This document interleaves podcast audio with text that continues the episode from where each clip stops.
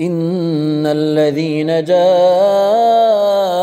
بالافك عصبه منكم لا تحسبوه شرا لكم بل هو خير لكم لكل امرئ منهم ما اكتسب من الاثم والذي تولى كبره منهم له عذاب عظيم لولا إذ سمعتموه ظن المؤمنون والمؤمنات بأنفسهم خيرا وقالوا وقالوا هذا إفك مبين.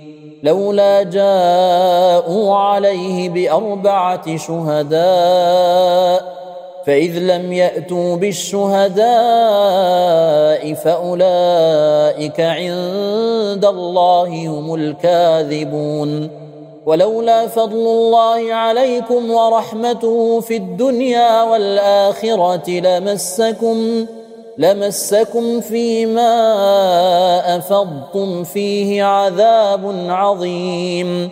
إذ تلقونه بألسنتكم وتقولون بأفواهكم ما ليس لكم به علم وتحسبونه هينا وهو عند الله عظيم ولولا إذ سمعتموه قلتم ما يكون لنا أن نتكلم بهذا سبحانك هذا بهتان عظيم.